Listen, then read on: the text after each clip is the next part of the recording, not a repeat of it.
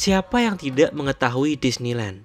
Sebuah taman beratus-ratus hektar yang penuh dengan wahana besar, atraksi luar biasa, dan parade penuh karakter Disney favorit kita.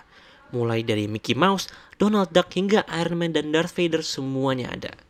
Namun terdapat cerita unik dari salah satu Disneyland yang belum terlalu lama ini dibuka, yakni Shanghai Disneyland di China. Shanghai Disneyland yang bernilai 6 billion dolar AS ini memiliki luas 390 hektar dan menghabiskan sekitar 18 tahun untuk dibangun. Proyek ini adalah proyek masif untuk Disney dan juga salah satu pencapaian terbesar untuk CEO Disney pada saat itu, Robert Iger. Namun mari kita lihat, mari kita intip berantai chaos yang terjadi beberapa minggu sebelum Disneyland itu dibuka dari perspektif sang CEO Bob Iger. Pada tanggal 12 Juni, empat hari sebelum jadwal opening ceremony dan simbolis pemotongan pita Shanghai Disneyland, terdapat aksi terorisme yang mengejutkan banyak pihak. Sebuah aksi penembakan massal terjadi pada sebuah klub malam di Orlando. Tentu, untuk sebuah perusahaan berskala multinasional seperti Disney yang memiliki lebih dari 70 ribu pekerja di Orlando, hal ini sangat mengkhawatirkan. Sangat mungkin untuk salah satu atau mungkin salah dua pekerja Disney menjadi korbannya. Akan tetapi, masalahnya tidak hanya sampai situ. Aksi terorisme ini menimbulkan rumor dan ketakutan masyarakat bahwa Disneyland dapat menjadi target selanjutnya. Sungguh, bukan headline koran yang bagus pada Hamin 4 hari pembukaan Disneyland. Bob Iger, CEO Disney pada saat itu, telah melakukan apa pun yang ia bisa. Diskusi dengan kepala keamanan dan kepala theme park pun berlangsung dengan intens.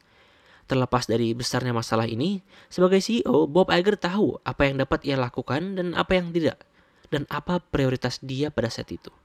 Iger pun mempercayai timnya untuk melakukan yang terbaik dan berlanjut untuk mempersiapkan opening di Shanghai.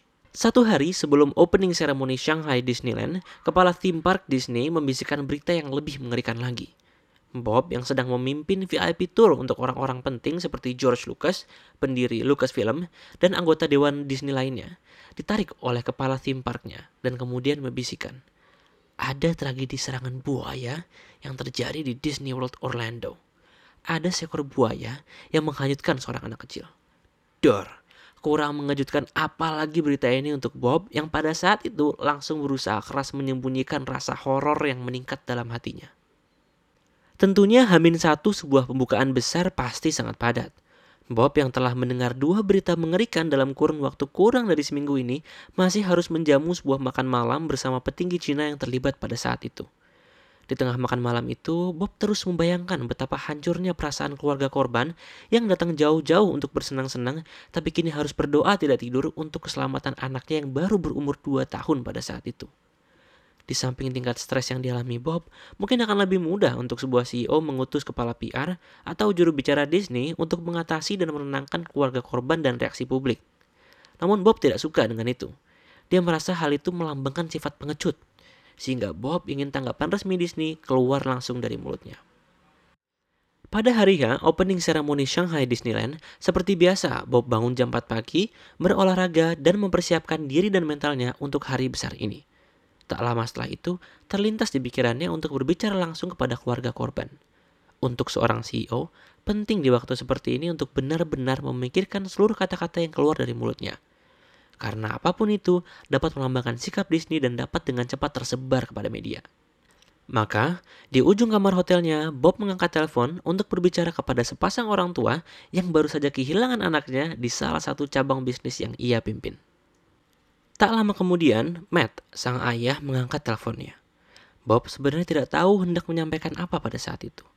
Namun ia bercerita bahwa ia juga merupakan seorang ayah dan ia juga sangat berduka atas apa yang tengah terjadi pada keluarga Matt. Bob pun memberikan nomor personalnya dan meyakinkan Matt untuk menghubungi Bob, orang nomor satu di perusahaan ini bila ia membutuhkan apa-apa.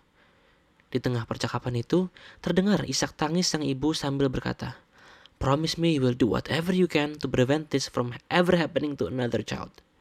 Bob pun berjanji dan menutup teleponnya lalu menangis. Tepat 30 menit sebelum ia harus memimpin tur VIP lagi untuk duta besar Amerika, duta besar Cina, dan sejajar orang penting lainnya. Pembukaan Shanghai Disneyland sangatlah meriah.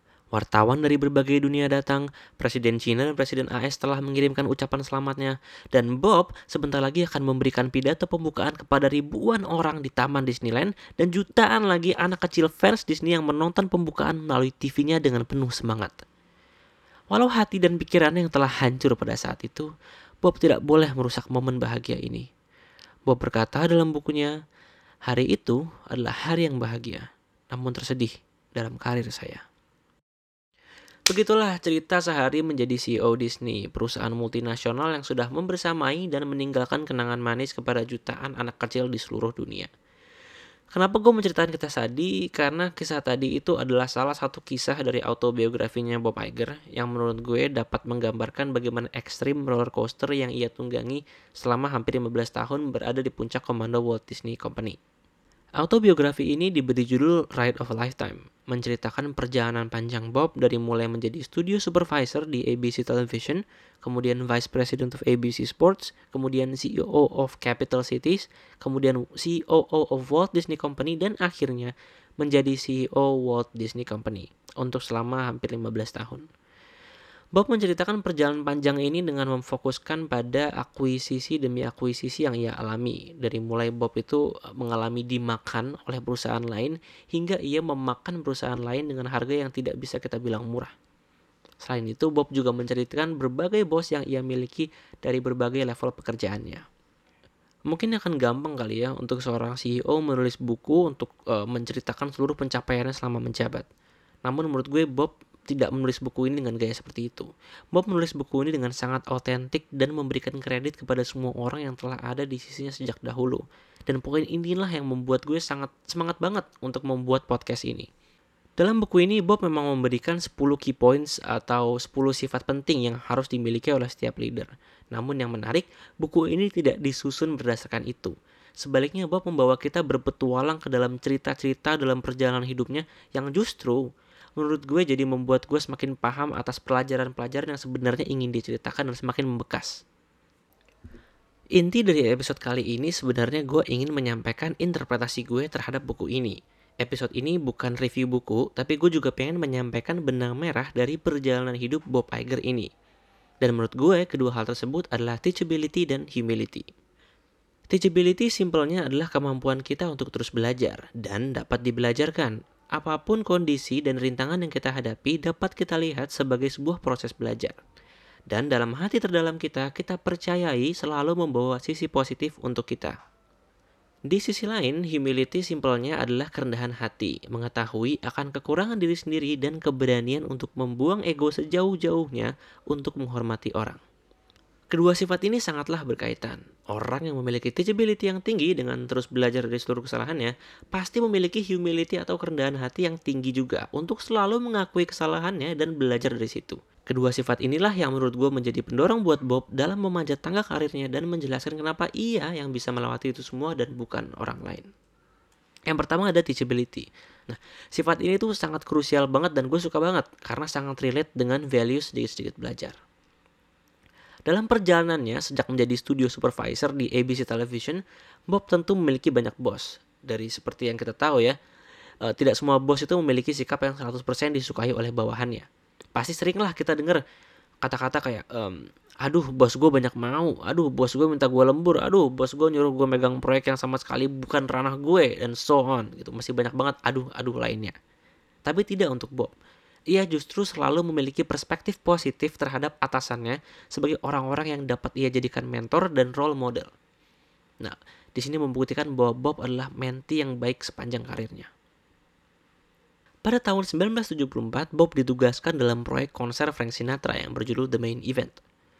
Bob sebagai studio supervisor untuk bosnya Rooney Arledge, seorang produser TV ternama pada saat itu.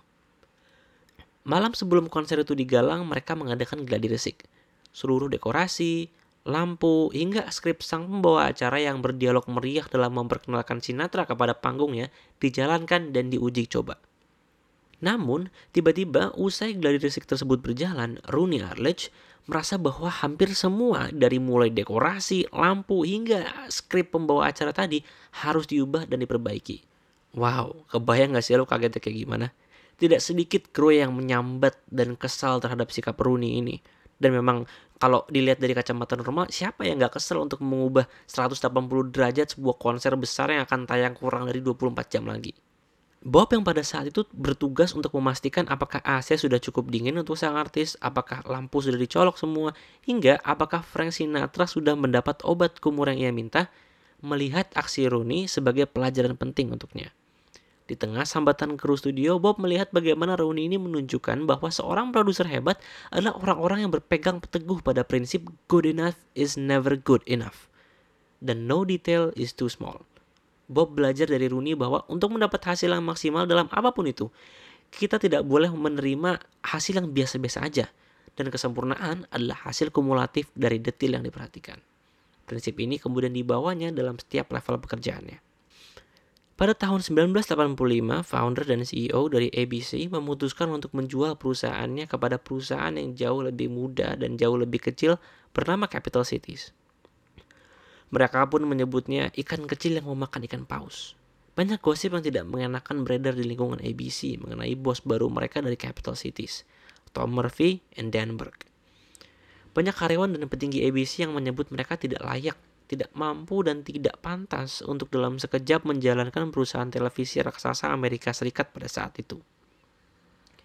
Singkat cerita, beberapa karyawan dan petinggi ABC memutuskan untuk tidak mengikuti jalur Tom and Dan mereka memutuskan untuk keluar.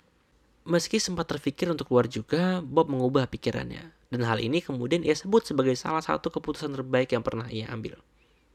Bob mendapat bos baru, Dennis Swanson, yang juga di underestimate oleh orang-orang. Karena Dennis belum pernah memiliki pengalaman di dunia sport, dan seketika ditunjuk untuk menjadi kepala ABC Sport. Di samping pandangan orang terhadap Dennis, Bob ternyata mendapat pengalaman dan pelajaran berharga dari Dennis. Bob berkata bahwa Dennis adalah orang yang tahu apa yang ia tidak tahu dan percaya dengan apa yang ia lakukan. Dennis tahu akan minimnya pengetahuan dan pengalaman di dunia sport broadcasting, maka ia menunjuk Bob untuk menjadi Senior Vice President for Programming yang mana bertanggung jawab untuk seluruh program ABC Sports. Selama beberapa tahun bekerja dengan Dennis, Dennis pun tidak pernah mengklaim kesuksesan untuk dirinya sendiri. Dennis tahu Bob lah yang merancang seluruh program ABC Sports, maka ia selalu memberikan kredit untuk Bob akan itu. Dennis juga membiarkan Bob melakukan presentasi-presentasi penting kepada bos mereka, Tom and Dan, yang pada akhirnya membawa Bob semakin dekat dengan CEO Capital Cities pada saat itu. Karena kedekatan Bob dengan Tom and Dan dan performanya yang baik dalam beberapa proyek ke belakang, tiba-tiba dalam suatu saat Tom and Dan meminta Bob untuk menjadi President of ABC Entertainment. Bob pun cukup terkejut ia yang sudah bertahun-tahun menjalankan siaran olahraga dalam sekejap ditugaskan untuk menentukan siaran televisi komedi dan drama apa yang baik untuk keluarga di Amerika. Lucu ya, kini ia berada persis pada posisi bosnya terdahulu, Dennis Swanson. Ketika ditawarkan pekerjaannya, Bob berkata pada Tom and Dan bahwa ia belum pernah sama sekali membaca skrip televisi dalam hidupnya. Dan bahwa hal ini sangat baru dan asing untuknya. Tom pun menjawab dengan santai, Oh Bob, you'll be great, kata Tom. Berpegang teguh pada prinsip yang ia pelajari dari Dennis, Bob pun langsung mengadakan makan malam dengan Sue Bloomberg, Ted Harbert, dan Brandon, tiga orang senior dalam dunia ABC Entertainment yang akan segera menjadi anak buahnya. Bob pun menyampaikan kekurangan dan keasingannya dengan dunia baru dan ia berharap bahwa mereka dapat sedikit bersabarlah untuk membiarkan Bob belajar. Makan malam tersebut berjalan lancar dan teamwork mereka ke depannya pun sangat baik. Perjalanan Bob sejak melihat Dennis menjadi bos yang baik hingga tiba-tiba berada di posisi yang sama dengan Dennis menunjukkan lagi-lagi bahwa Bob merupakan menti yang baik dengan kerendahan hati dan teachability yang tinggi. Ia tidak sombong untuk menilai Dennis sejak awal seperti beberapa temannya yang memutuskan untuk keluar dari ABC Sports. Dan kerendahan hati inilah yang kemudian membuahkan ia dipercayai oleh Dennis untuk mendidik bosnya itu. Setelah ditawari posisi yang baru oleh Tom and Dan, Bob pun menunjukkan bagaimana ia benar-benar memahami kata-kata ketahuilah apa yang tidak kamu ketahui dan percayalah apa yang kamu lakukan. Prinsip ini sangat relevan dengan teachability dan bagaimana kita mengetahui apa yang harus kita pelajari dari kekurangan kita. Selain Rooney, Dennis, Tom, and Dan, Bob juga memiliki mentor-mentor baik lain dalam hidupnya. Mulai dari ayahnya yang sejak kecil mendorong Bob untuk membiasakan baca buku hingga Michael Eisner, CEO Disney yang sebelum Bob yang mengajarkan Bob banyak hal tentang kreativitas dan cara memimpin perusahaan masif itu. Lagi-lagi, kisah Bob menunjukkan bagaimana memiliki mindset positif dan selalu menjadi menti yang baik untuk setiap orang dapat berdampak sangat signifikan untuk kita semua. Selain kisah Bob dengan para bos-bos terdahulunya, menurut gue yang sangat menarik adalah bagaimana Bob berhasil berdamai dan meluluhkan hati salah satu CEO yang cukup ya cukup terkenal egois lah dan sombong pada saat itu. Siapa lagi kalau bukan Steve Jobs? Disney Animation pada masa awal Bob menjadi CEO, berada pada kondisi yang kurang baik dan butuh intervensi secepatnya. Di sisi lain, Pixar Animation yang tengah dipimpin oleh Steve Jobs itu adalah sang kecil-kecil cabai rawit baru yang belakangan ini tengah naik daun karena film-filmnya yang unik dan menggunakan teknologi terdepan. Steve Jobs dan Pixar saat itu memiliki sejarah yang tidak terlalu mulus dengan Disney. Steve Jobs dan Michael Eisner, CEO Disney sebelum Bob, pernah melakukan kontrak dalam produksi beberapa film seperti uh, Cars, Toy Story, Finding Nemo, dan lain-lain. Namun kekeras kepalaan kedua CEO besar pada saat itu membuat kontrak tidak berjalan dengan mulus. Masing-masing memiliki keinginan tersendiri dan merasa bahwa pihak lawan harus mengikutinya. Tak lama sejak Bob menjadi CEO, intuisi Bob tidak lain adalah untuk memperbaiki hubungan Disney dengan Pixar untuk membuka apakah masih ada sedikit peluang untuk keduanya bekerja sama. Akhirnya, pada sebuah percakapan telepon, dengan hati yang deg-degan dan rasa yang cemas, Bob pun memberanikan diri untuk berkata, Eh hey Steve, gue punya ide gila. Bagaimana kalau Disney membeli Pixar, kata dia. Dalam jeda keheningan dan rasa cemas Bob yang semakin naik karena Steve bisa saja menolaknya ke mentah-mentah. Namun Steve pun menjawab, Hmm, itu bukan ide paling gila yang pernah gue dengar. Tapi ayo, kita bicarakan lagi. Bob pun menghela nafasnya, dan momen ini adalah momen pertama dari perjalanan panjang antara Bob dan Steve. Yang menjadi poin penting dalam negosiasi ini menurut gue adalah bagaimana Bob menjalaninya dengan penuh kejujuran dan rendah hati. Tidak seperti kontrak terdahulu Pixar dengan Disney yang dipenuhi oleh kekeras kepalaan. Bob tahu bahwa Disney Animation pada saat itu tengah berada di kondisi yang tidak baik dan di sisi lain, Pixar sang pendatang baru ini adalah perusahaan yang revolusioner dan memiliki tingkat kreativitas yang tinggi. Berada di kacamata Disney, sangat mudah untuk perusahaan berskala seperti itu memiliki ego setinggi langit dan merasa paling benar dalam melakukan bisnisnya. Ini terbukti dari perseteruan yang terjadi antara Disney dengan Pixar lima tahun sebelumnya. Namun Bob tidak membiarkan egonya mengendalikan keputusannya. Ia tahu bahwa Pixar sudah lebih maju dari Disney sehingga walau Disney yang membeli Pixar, ia justru meminta Pixar untuk mengajari Disney. Sifat inilah yang, yang meluluhkan hati Steve Jobs dan pada akhirnya membawa mereka pada persahabatan panjang hingga akhir hayat Steve. Episode ini bukan review buku, bukan juga summary-nya. Tapi episode ini gue buat sebisa mungkin untuk menunjukkan bagaimana menurut gue teachability dan humility atau kerendahan hati menjadi salah satu faktor utama seorang studio supervisor ABC Television yang tugasnya pada saat itu adalah menyalain AC sampai bolak-balik ke minimarket untuk beli obat batuk dan obat kumur referensi Sinatra dapat sedikit-sedikit menaiki tangga hingga menjadi CEO Walt Disney Company perusahaan multinasional dengan ribuan karyawan tersebar di seluruh dunia. Sifat Bob yang tidak pernah membiarkan ego mempengaruhinya, kemudian membuat ia selalu dapat melihat sisi positif dari setiap orang dan belajar darinya. Mulai dari Rooney Arledge yang mengubah set panggung 180 derajat pada hamin satu acara, Dennis Swanson, bos barunya yang tidak tahu banyak mengenai bidangnya, hingga Michael Eisner, CEO Disney sebelumnya, dan masih banyak lagi itu memiliki keunggulan unik yang dipelajari oleh Bob dan dipegang teguh dan dibawa terus sepanjang perjalanan karirnya. Sifat inilah yang membuat CEO Disney dia dan bukan orang lain. Kerendahan hati yang Bob tunjukkan kepada Steve menunjukkan bagaimana ia paham rasanya diakuisisi atau dimakan oleh perusahaan lain. Sehingga ia selalu rendah hati dan menghormati orang lain.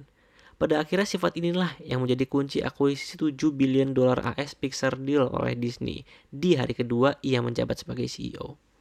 Gue berharap kedua sifat ini bisa dipahami banget dari podcast ini. Sebagai orang TP atau calon orang TP, itulah interpretasi gue.